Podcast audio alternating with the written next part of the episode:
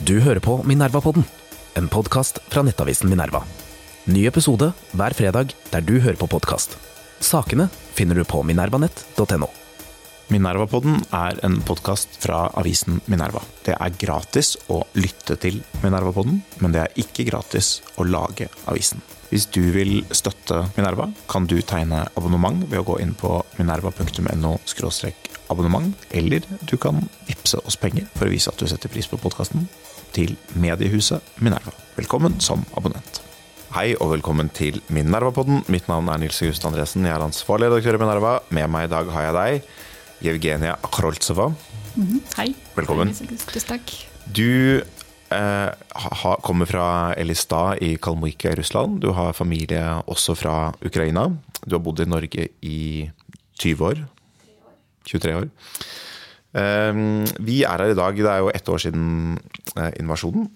Eh, og vi er her i dag for å snakke litt om eh, om hva som skjer med russere, både i Russland og utenfor Russland, for det bor etter hvert veldig mange russere utenfor Russland, og deres forhold til ukrainere. Og Da tenkte vi at du kunne være en god person å snakke med, Jørgen. Ja. Mm, ja, men det, det, er hyggelig. Takk for invitasjonen.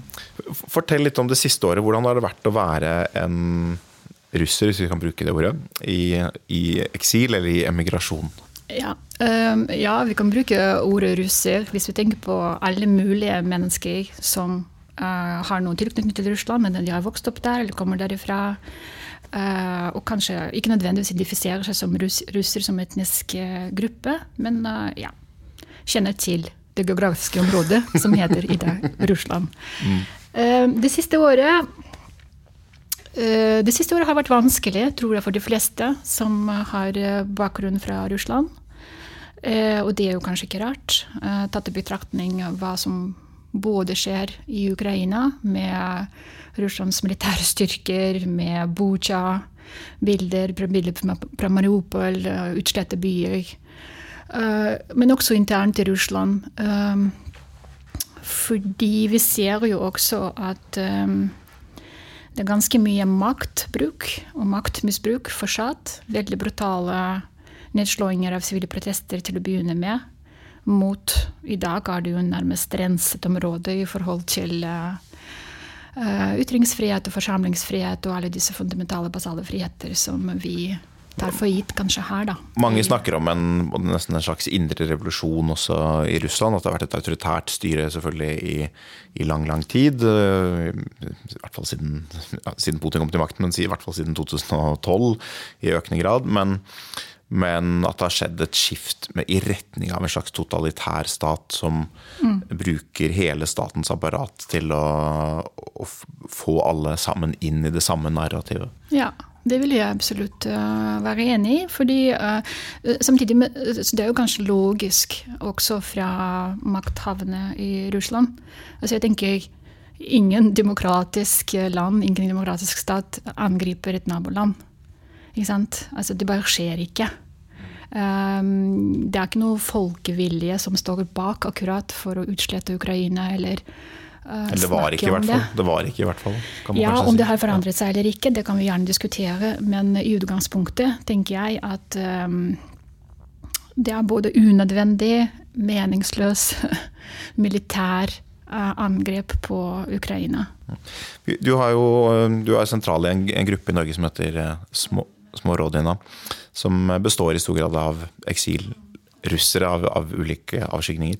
Uh, som er liberale og kritiske til Putin, som har vært det i lang tid. Uh, lenge før denne krigen. Men uh, hvordan har diskusjonen vært i den gruppen? Det er veldig mange forskjellige folk med mange forskjellige bakgrunn som er med i Smårådene. Jeg tenker Smårådene er et interessant fenomen, håper jeg, da, etter hvert i Norge. Fordi selve ordet Smårådene betyr jo det skal, liksom, skal, spille på ordspill. Eh, et lite bitte hjemmested. ikke sant? Rådina betyr hjemland. Rådina betyr hjemmested. Små, liten Gjerne flere steder, hva vet man eh, etter hvert. Men, og den tanken er at du trenger forholde deg til et stort, uh, ubegrenset område er eh, til stede. Det tenker jeg er en veldig vakkert tanke. Det er mange forskjellige mennesker som er med i Smorodina i utgangspunktet. Ikke nødvendigvis som meg, som har bodd her en, flere tiår utenfor Russland. Det er flere som er eh, studenter. men som ja, heier på demokratiske verdier, heier på muligheten til å mene hva man vil. heier på å være åpen om det å være, ikke, å være homofil og være aktiv i samfunnet og kanskje savner det og ikke kanskje har opplevd det på kroppen, eller har opplevd og prøver å opprettholde den tanken at dette er normalt. Det er en normal måte å leve på når du både føler deg fri og bruker den friheten man faktisk fortjener i den øh, kraften at man er et menneske. Men, men det er ikke en selvfølge i russiske emigrantmiljøer. Vi har jo sett i flere land, kanskje spesielt tydelig i Tyskland, at en del russiske emigranter. Der er det jo mange. Mange dro dit etter, etter murens fall spesielt i Berlin, hvor vi har sett at det har vært demonstrasjoner til støtte for krigen, til støtte for Putin, som på en måte sier noe om både propagandaens makt, kanskje, men også om eh, nasjonalismens makt eh, og nasjonsfølelsens makt over sinnene. At når krigen kommer, så er det mange som som på en føler de må velge side, og så velger ja. sin egen. Ja. Jeg tror det varierer veldig, hvis du tenker på migrantmiljø i ulike uh, vesteuropeiske land. Eh, det varierer veldig. Altså Tyskland kan ikke sammenlignes med Norge. liksom. Fordi Tyskland har tross alt nærmest to millioner mennesker, tror jeg, som har uh, bakgrunn fra Russland. Um, Sammen med Israel, f.eks. Uh, sånn at uh, jeg tror i Norge vi er kanskje litt spart for veldig sånn bastante pro-russiske, pro-Putin, pro-nasjonalistiske holdninger.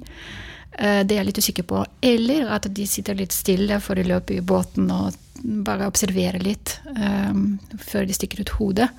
Vi har hatt en del opplevelser i løpet av siste året hvor vi måtte, som smårådene, arrangere en slags motdemonstrasjon uh, mot pro-Putins demonstrasjon, som, uh, hvor budskapet var veldig tydelig. At alt er relativt. Det er ikke så sikkert at Ukraina-konflikten eller krigen i Ukraina er ikke kommet fra Vesten. Russland er høyborg for tradisjonelle verdier, og det er det som er bra. De forsvarer oss, osv. De har stått her på Eidsvolls plass, og da hadde smårådene ordna en slags motdemonstrasjon Eh, med budskapet er å være patriotisk. Eh, er mm, snakke om det, altså snakke om eh, snakke sannhet. ikke sant? Det at Russland angrep Ukraina, og ikke tvert om. Ikke motsatt vei. Men samtidig er jeg litt usikker på hvor mye alvorlig vi skal ta. Jeg ser det er en del eldre professorer i historie som har brukt, eller latt bruke seg selv som sentrale figurer på disse demonstrasjonene. Eh, for å fremme Russlands eh, narrativ. Eh, jeg vet at de finnes, men det har vært litt stille siste halvåret fra de. Mm. Så hvor representativt, det vil jeg ikke påstå her i Norge. Jeg tror vi har det ganske fint. Men klart internt i smårådene til enhver tid så har vi jo disse problemstillingene. Um, at noen kjenner mer, på, kjenner mer, på, kroppen, kan du si. Noen av de russiske narrativene opplever dem mer som gangbare. Ja, det er liksom forskjellige diskusjoner. ikke sant? Vi har jo på en måte folk uh, som jeg hører, uh, har heia på Krim-annektering f.eks. tilbake i 2014, men uh, har skjønt at dette er bare helt forferdelig, det som har skjedd. Og det er territorium til en uavhengig stat, uavhengig land, som heter Ukraina, og som har snudd fullstendig, men som er åpen om det. Så slike ting. De kommer nå. Jeg tenker det er bare fint, jeg. Ja. Fordi vi er jo tross alt bare mennesker som kan bestemme og ombestemme, heldigvis. Jeg tenkte vi skulle snakke litt om, eh, Siden du nevnte Krim, så, så er det en, eh, en, diskusjon som går mye på Twitter, som jeg leser mye, mellom eh, både russere og ukrainere på Twitter, og Eh, og i Vesten, altså folk med typisk enten russisk eller ukrainsk avstamning. Og da er det liberale russere, relativt liberale, altså folk som eh, er i opposisjon, har vært motstander av Putin i tiår. Eh, som krangler om noen av disse tingene. Og, og, og, den mest kjente russiske opposisjonspolitikeren er selvfølgelig Navalnyj, som sitter fengslet etter å ha blitt forgiftet og, og virkelig liksom har ofret mye i kampen mot Putin. Og man tro, man kunne, man kunne tenke seg utenfra sant, at han var en helt i Ukraina. Eh, og For noen er han kanskje det, men for mange er han ikke det. og Det går tilbake til liksom et par forskjellige uttalelser. Han har jo noen sånne uttalelser langt tilbake i tid som kanskje er mer trøblete. men Um, det går tilbake til en uttalelse han hadde om Krim, mm. som var 2015 eller sånn kanskje, eller 16. Og en uttalelse om den russiske verden i 2018. Jeg skal bare si litt om de to uttalelsene for, for, for, lytterne våre som kanskje ikke kjenner dem så godt. Men Det ene er hvor han, hvor han sier at Krim er en brot. Ja. Eh, Krim er ikke en eh, hva heter det på norsk? da? En, eh, smørbrød. smørbrød. Nærmest jeg kan komme. Ja, altså, men for å forklare betydningen altså, Det er ikke Det er jo et tysk ord, da. Ikke sant, Men, men det, Krim er ikke, liksom, det er ikke en vare som du bare kan selge frem og tilbake. Det, det, er mennesker som bor der, var hans poeng. For Han var jo tydelig mot uh, anneksjonen, invasjonen og anneksjonen anneksjonen av Krim, med at den var folkerettsstridig og at det var ukrainsk territorium.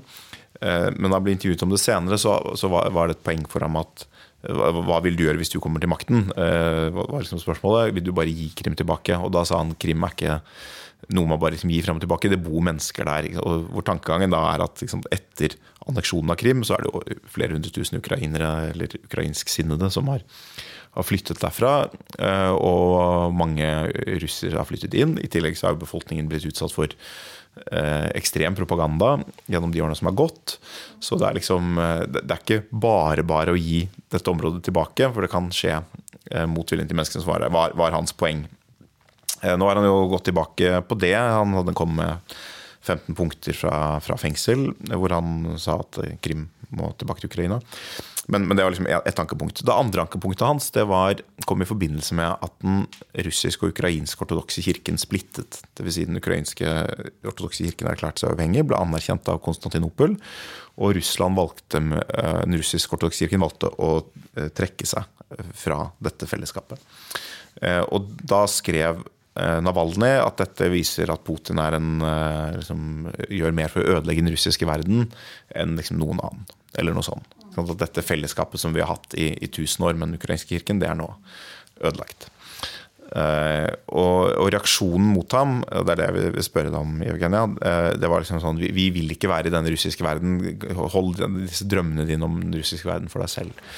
Hva, hva tenker du om det? Ja. Mange liberale russere føler jo en sorg over at dette som man trodde og tenkte på og kalte et broderfolk, at man nå ikke skal få lov til å ha dem som broderfolk. De kjenner på en sorg over det. Hvordan, hvordan opplever du den diskusjonen? Ja, um, ja, nei, Det er jo interessante um, fakta du kommer med. Uh, jeg tenker sånn, Hvis vi skal skille litt her um, Sorg altså Hvis man tenker om følelser uh, hva man legger inn i russisk verden, det vet ikke jeg. Altså, jeg tenker Det må være ganske personlig. Uh, jeg for eksempel, uh, jeg er f.eks. fikk ikke noe sånn advokat for russisk verden, eh, og egentlig strengt tatt eh, imot hvilken som helst generalisering eller gruppering av mennesker.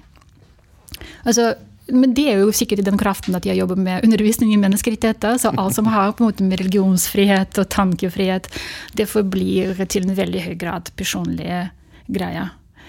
Det ville jeg si. Utenom det så tenker jeg, altså Når det kommer på følelser, hva jeg måtte føle til enhver tid, så er det jo Vi er jo mange, mange, forskjellige mennesker også. Man kan føle hva man vil. Annet, en annen ting hva man får utad. Altså når følelsene tar form av ord. Uh, og da deltar man i ordskiftet gjennom artikler eller gjennom andre uh, måter å fremme sin budskap. Det kan vi gjerne diskutere. Uh, men utenom det hvis jeg skal gå tilbake til Navalnyj som person, som fenomen eh, jeg tenker det Med Krim er jo ganske enkel greie. Det virker som han har ombestemt seg med disse siste 15 tesisene sine om parlamentarisk republikk og om grensene tilbake i 1991. Eh, det som kan være interessant å tenke på, at um, her har du en, et menneske, en politisk figur i Russland som har sterke politiske ambisjoner eller kanskje har hatt, som har opplevd ganske mye siden disse uttalelsene som du siterer nå. Så ah, det forblir allikevel spekulasjon fra vår side, uansett hva han måtte mene eller si til enhver tid, så lenge han ikke har den muligheten til å stå fram og fortelle hva han virkelig mener. I, uh, på åpent vis, altså i en debatt, i en diskusjon osv. Og, så og det har ikke skjedd på lenge. Nei, du har jo ikke noen åpen diskusjon i Russland om disse temaene. Eh, men jeg tenkte altså, det går litt sånn inn i en større diskusjon hvor om, eh, om Russland, kan du si, da, i Ukraina. Eh, er, er, dette Putins krig, eller er det folkets krig? Og Det er en diskusjon som går. Og Ilja Yashin, en annen opposisjonspolitiker som også er fengslet i Russland, eh, skrev også et brev nylig fra, fra fengsel hvor han nettopp oppfordret til at man skulle behandle det som Putins krig. Ikke skylde på, Ikke skylde på folket, men, mens mange i Ukraina opplever det jo ikke sånn. Ikke De opplever at det russiske folket har akseptert og, og, har støttet opp om, og sånn, og fordi de nettopp er bærere av denne koloniale, imperialistiske arven. Ja. Og det er et interessant tema. Tenker, sånn sett, så Hvis vi skal tenke på sånne liberale, uh, gjerne yngre mennesker som kommer fra Russland, så forholder de seg til Ukraina som nettopp det det er. Det er uavhengig, separat stat og samfunn. Det er jo opp til mennesker som bor der, å bestemme hvordan Ukraina skal være. Og det tror jeg de fleste respekterer og tenker sånn. Tror du det? Ja, det vil jeg tro, faktisk. Fordi jeg ser jo disse uh, folka. altså jeg tenker smårådene, uh, Vi som har etablert smårådene i Norge, er én ting. Men vi har jo lignende uh, nettverk og grupperinger, diaspora i Sverige, Danmark, i New Zealand, i Australia, i USA, nærmest alle stater. Altså de, de menneskene finnes. Som bryr seg om hva som foregår der nede hva slags informasjon som er tilgjengelig eller ikke tilgjengelig, og som prøver da å bringe stemmen, nyansere bildet hva Russland er for noe, eller hvorfor ting går som de, som de gjør. Hvis jeg skal sette meg i ukrainerne sine sko og tenke hvordan det, det måtte føles i forhold til Russland Selvfølgelig. Altså Jeg tenker at de fleste måtte føle på en kjempestor frustrasjon over ja, folk som bor i Russland. Frustrasjon som som på en måte Når du, når du ser at uh, den protesten, sivile protesten uteblir i ganske stor grad. Og da blir det veldig vanskelig også, tror jeg, for noen fra Ukraina å huske at folk har prøvd. Det er veldig mange som har prøvd siden 2011. 2011 var den største protest på Bolotne-plassen i Moskva, med millioner på gata. Og selv om Russland har 140 millioner, men allikevel, millionprotest, det, det har mye å si. Folk har prøvd å reagere på valgfusk gjennom åra ved Putins styre. Folk har prøvd å skrive artikler og være aktive i media flere som fikk svi for det, både med helse og egentlig med sitt eget liv. Og det tror jeg det Jarsen prøver også å nyansere. Når han selv har vært i politikken de siste 20 år, det betyr ved Putin eh, med makta. Um, for å bringe på en måte denne ideen da, at eh, vi har klart, vi har prøvd, men mm, ikke nødvendigvis vi har klart. Ja. Mm. På, på bakkenivå så ser du vanlige mennesker uh, som lever sine egne liv i Russland. ikke sant? De går på butikken, de kjøper den der kefir som de pleier å ha til frokost, de planter grønnsakene sine. De leverer barnet til barnehage. Det virker tilsynelatende som et normalt liv. Og det kan selvfølgelig provosere og frustrere så, så, er det at Russland og Ukraina har veldig ulike erfaringer med protest. At Ukraina har uh, oransjerevolusjonen i 2004 og 2005. Og så har de eh, verdighetsrevolusjonen i 2014. Og spesielt da i 2014 så var det jo det var ikke bare store protester, men det var også ganske store dødstall. Uh, under den demonstrasjonen. Så de, mange ukrainere tenker jo russerne er ikke, de er ikke villige til å uh, ofre noe. Jeg tror noe av det som kanskje er vanskelig å skjønne i Ukraina, er hvor atomisert det russiske samfunnet på det er blitt. Hvor vanskelig det er å skape en bevegelse mm. når kommunikasjonen er såpass hindret. Altså Hver enkelt person blir på en måte for seg hadde, klart hadde to millioner gått ut samtidig, så ville det vært vanskelig å, å arrestere alle. Men det andre, det andre de undervurderer, er kanskje at voldsviljen er så mye høyere i Russland at selv Janukovitsj, altså selv om det var dødstall, så var det på en måte begrenset voldsbruk. Mens i mm. Russland så vet man kanskje ikke hvor det ville endt. Jeg tenker Det er veldig vanskelig egentlig å sammenligne Russland og Ukraina som uh, altså, samfunnsmessig, fordi det er to forskjellige samfunn. Uh, det vil jeg påstå. Um, fordi, altså, pleier, altså, jeg, jeg, jeg, tenker bare ok, Ukraina hadde hatt uh, fem ulike presidenter som statsoverhoder siden 1991, liksom. Russland, hva hadde man i Russland? Ja, knapt to, ikke sant? mens veldig mye Putin-styre til stede. Uh, veldig mye politi, veldig mye fem forskjellige typer politi som sitter der, som puster deg i nakken hva du gjør i privatlivet, hva du gjør på sosiale medier, hva du gjør på arbeidsplassen. Altså, det tror kanskje, kanskje litt vanskelig å sammenligne. Jeg tror et aspekt som jeg ser og så, Unnskyld at jeg avbryter, ja. men den atomiserte samfunn uh, Ja, Russland er et kjempestort land. Det er veldig omfattende geografisk område. Hvis du har tenkt på f.eks. sivile protester i Skies i Arhangelsk eh, oblast, som har pågått over to år uh, med miljøspørsmål, så folk sto der i telt. Uh, I teltbyene med osv. Og, så videre, og, og prøvde å få fram sin mening om hvordan ting skal være i Arhangelsk. Hvis du tenker på Khabarovsk, som har stått på hodene i to år med sivile protester. Problemet er at ja, er, vi, Russland er fortsatt ganske atomisert i forhold til at du, du føler nødvendigvis når man bor i Moskva, St. Petersburg eller Tambov eller Saratov, en slags tilknytning eller solidaritet med folk i Khabarovsk. For å så komme ut på gata i sin egen hjemmeby. For å vise Khabarovsk vi ser deg.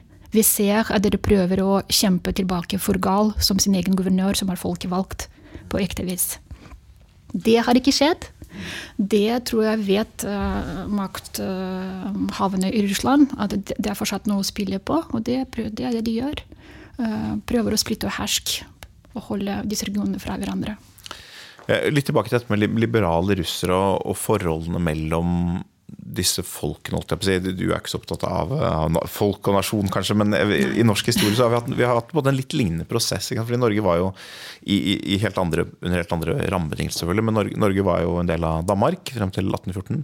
Og så ser man jo både gjennom 1800-tallet at en av de helt store diskusjonene i norsk kulturliv er eh, forholdet til den danske kulturarven. Mm. Er den norske historien på måte den danske historien, eh, eller en bit av den danske historien, eller er det noe helt annet? Mm. Og begge synene fantes jo. Det er strid mellom Welhaven og Wergeland eh, handler mye om dette, og mange andre strider handler om dette, men de nasjonalt sinnede vant på en måte frem.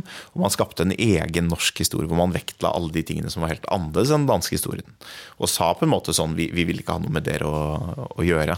Mm. Uh, med noen unntak. De, de, de, unntakene som man hadde, måtte man på en måte gjøre norske. da, Sånn som Holberg, som var fra Bergen, men levde mesteparten av livet i København. Mm. prøvde man å gjøre mest mulig til en norsk eh, dikter, for vi hadde ikke, så, vi hadde ikke noe særlig andre diktere å, å spille på.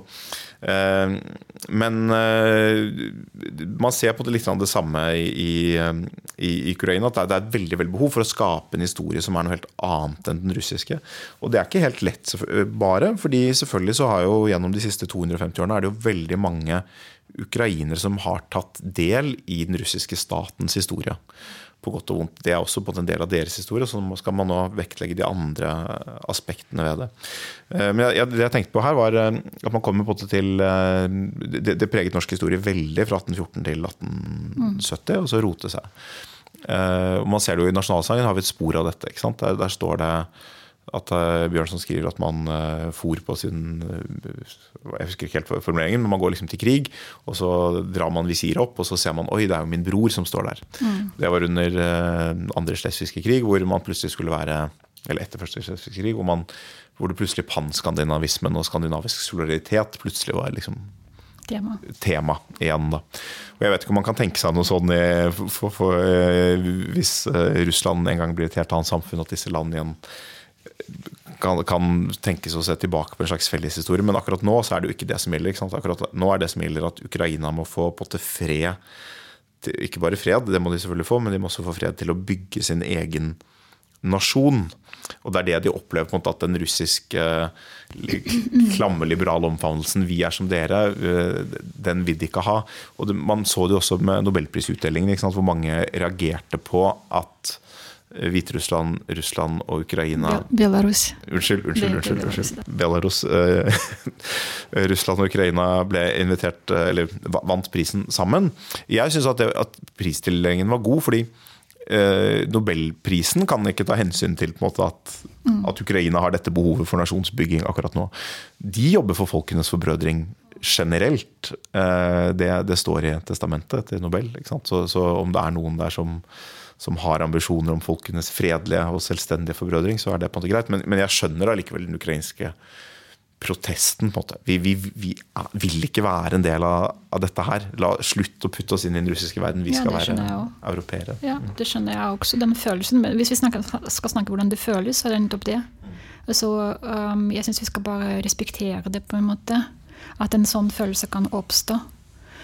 Uh, jeg ville tro at det føles så sterkt fordi man er truet på livet. Selvfølgelig. Altså Så lenge eksist eksistensjonell trussel for et sted som heter Ukraina finnes, så vil det føles. Og, men, det er jo bare fint at vi kan diskutere og sitte og høre forskjellige meninger, hva man måtte mene. Um, jeg, jeg skjønner veldig godt hvordan man reagerer veldig sårt til ordet for, brødring, eller hva det heter igjen. Um, fordi, fordi det, det henger fra fortiden, ikke sant? Altså, du vil helst Du vil helst bli hørt. Du vil helst fortelle Hei, folkens, vi har eksistert lenge enn igjen president, Russlands president påstår vi har gjort. Vi har hatt uh, bevegelser, vi har hatt frihetsbevegelser. Vi har hatt hungersnød. Vi har, ja, vi har hatt også um, svinn på skogen osv. Jeg vet ikke, men det er mange historiske momenter som ligger fortsatt usagt, uoppklart. Hvor du kan diskutere det inn og ut. Så lenge det får uh, fortsette, så blir det selvfølgelig veldig um, sårt for veldig mange plutselig å være en del av den såkalte slavisk fellesskap, eller hva dette måtte hete. Jeg tror det er en ekstra uheldighet at altså, det, det, står jo I Nobels testament så står det 'folkenes forbrødring'. Det er ordet som er valgt. Og så er det uheldig når du oversetter det til engelsk, og så er det da Putins term 'pratski narodi', Ja, altså brødrefolk, som gjør at man, man får en assosiasjon som er helt uh, aparte. Du, La oss vende blikket litt fremover, Jevgenia. Hva Mm. tenker du om fremtiden til de, de russiske migrantsamfunn? Altså, det er jo sånn man har, mange har laget, man har laget sammenligning med si, tyskerne etter krigen, og, sant, hvor, hvor selve det å være russer blir noe, noe smertefullt og kanskje noe skamfullt. Og man ser i Ukraina hvordan mange som har hatt russisk morsmål, men, men som kan ukrainsk, for det, kan jo de aller fleste der, både legger om språket sitt. Jeg vil ikke lenger snakke liksom dette Der er det kolonimaktens språk, sånn som de fortolker det, men, eller liksom aggressorens språk. Vi vil, ikke, vi vil ikke ha denne Man begynner å omfortolke eller tolke igjen eh, russisk kultur og litteratur. og liksom Det som vi trodde var eh, vakkert og flott og storslagent hos Pusjkin, er egentlig liksom uttrykk for den samme imperiale holdningen. så. Begynner, sånn som vi har, har hatt i, forstått, i vestlig historie de siste 20 årene, en sånn omfortolkning av deler av fortiden. Men hva hva tenker du om fremtiden til de russiske migrantsamfunnene? Det, vil det være et eh, hvis, hvis det ikke blir noen regimeendring i Russland, vil det på en måte være et liberalt kraftsentrum for russisk litteratur og kultur og tenkning? Eller vil det være grupper som vender seg mer og mer bort fra det russiske og heller blir noe annet? Vi får se. Den tiden så ikke. Så jeg tenker på sånn um, Russisk immigrantmiljø igjen, det er, jo, det er ikke noe homogen gruppe vi snakker om nå. ikke sant? Det er mange forskjellige typer mennesker, som, og det er forskjellige migrasjonsbølger. Uh, du har uh, nylig stor bølge av immigrasjon fra Russland. Gjerne universitetsansatte, journalister, lærere. Eh, som eh, ikke finner seg i så sterk propaganda og så sterk maktovergrep. som eh, befinner seg nå i utlandet. Og prøver da enten undervise online eller uh, søke noen gjestestipendiatposisjoner på universitetene rundt omkring. Jeg kjenner flere personlig som havner slik, i en slik situasjon. De har nok tenkt uh, seg tilbake, tror jeg, hvis, hvis det er mulig, og når det er mulig i Russland. Um, jeg vil jo tro at uh, dette kan Jeg håper jo at dette ikke kommer til å fortsette i evighet. Uh, denne seige historien vi opplever nå, som er veldig Som har egentlig katastrofefølelse. som gir en katastrofal følelse uh, egentlig i dag. Men fordi jeg tenker sånn, det er ikke mulig å føre krig uh, som koster så mange liv. Altså, man må jo våkne på et eller annet tidspunkt, og no, ting må, kan skje. Så jeg vil tro at det skjer noe med Russland som sted. Både politisk og samfunnsmessig. Først politisk. Uh, jeg savner personlig mer diskusjon om straff, straffrett og rettslig forfølgelse for krigsforbrytelser osv. Jeg syns vi fort havner i den der hva skjer mellom folkene, hva skjer mellom mennesker, hvordan hva er russisk, hva er ukrainsk osv., så, videre, så forsvinner den biten der. Uh, uh, stille til ansvar veldig ofte. Det er min personlige subjektive mening.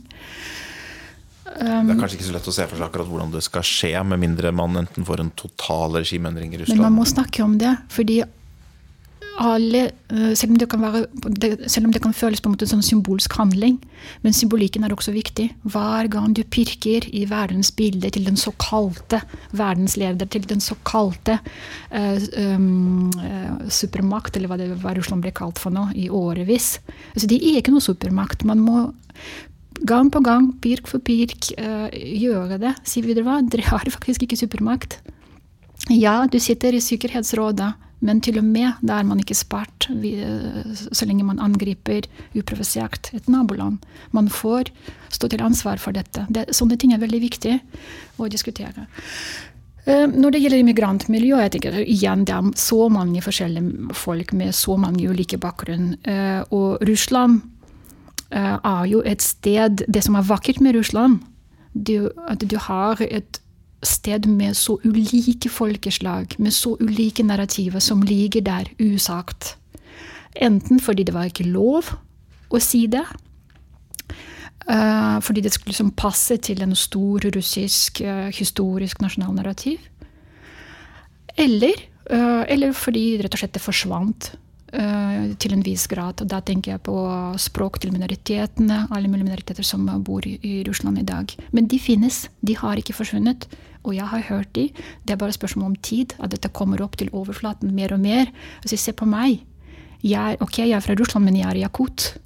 Og jeg har mitt eget språk. Jeg har mitt egen muntlig kultur. Uh, fordi, fordi Se på meg. Jeg er en tatar. Uh, Se på meg, jeg er en tsjetsjener, jeg er en kalmyker. Så disse tingene, de har alltid eksistert. Men det var litt lite rom til å få det ut på overflaten og snakke om dette. Hva Russland egentlig er for noe. ikke sant? Altså, hva slags samfunn det er, hvilken, hva slags bakgrunn vi har, i hele gjengen. Og det er jo så mye på kryss og tvers. Det blir sikkert eh, litt sår prosess, det òg, å finne ut eh, hvem som er hvem, og hva det man eh, det, hva slags narrativ man vokser opp i. Men ja, bare for å avslutte finnes. det, for det er, jo sånn, det er jo noen som drømmer om det. ser man også på, I de stadige Twitter-krigene så er det mange som uh, både ukrainere og andre som både drømmer om en slags Russlands kollaps uh, i nettopp i masse ulike typer nye etniske republikker. Uh, det er jo ikke noe drømmescenario sånn hvis du ser det fra det et vanlig altså det er jo, Sånne ting skjer aldri uten veldig mye blodsutgytelse. Mm. Så, men ser du, ser du, på en måte for deg en verden der disse ulike si, nasjonalitetene og nasjonale hensynene kan nærmest blomstre sammen i, i samme stat? Er det den, den, det Russland du drømmer om? Jeg tror jo ikke noe personlig på en uh, stat eller et samfunn hvor det er veldig sterke, sånn sterke skiller som går på etnisitet, det tror jeg blir veldig farlig. Og i 21. århundre litt sånn udatert måte å bygge en stat på. Altså, ja, det finnes forskjellige etnisiteter, men uh, jeg mener, folk bor jo litt ulike steder, og det er mye blanding. Det er mange blandede familier på kryss av etniske uh, grupper. Det som jeg drømmer om, det som jeg savner uh, når jeg tenker på Russland, det er muligheten å bestemme over stedet der hvor man bor uavhengig av etnisitet. Altså Hvis vi snakker om Yakutia, som ligger fjern øst De folka som bor der, hvor mye den reelle påvirkning politisk og samfunnsmessig de har, det er det spørsmålet som uh, er veldig interessant å diskutere. ikke sant? Og hvis du tenker på de siste 15 år med uh, nærmest fravær av uh, politiske valg lokalt i Russland altså På papiret fantes det jo, men i virkeligheten så blir man ikke regnet med som uh, du avgir stemme osv. Det, det skulle ikke bety hva, hva, hva, som helst egentlig hva man stemmer på. Og da blir man fratatt den muligheten til å kjenne på den tilhørighet, tilhørigheten til stedet hvor du bor på. Hvor du leverer barna til barnehage, der de går på skolen, der hvor du søker jobb. Du, disse mulighetene de forsvinner. Og da trenger et slags Senterpartiet som vektlegger lokalt selvstyre og og postkontor i, i hver bygd. Ja, i hvert fall. Altså, et så stort land kan ikke styres fra Moskva som en slags sentrum som vet best hva som eh, skal Jakutia være til enhver tid. Mennesker som bor der lokalt, selvfølgelig må få lov til å si det. Det har ikke vært mulig uh, siste 15 år. Det vil jeg påstå. Det er vel liten tvil om at det trengs en del politisk eh, reform. Eh, men før vi kommer dit, Evgena, så er det en lang krig foran oss fortsatt. Og mange mørke, eh, mørke ting vi antagelig skal gjennom. Både russere og ikke minst ukrainere. Men vi er ferdige for i dag. Tusen takk for at du kom i studio. Tusen takk. Takk, takk for invitasjonen.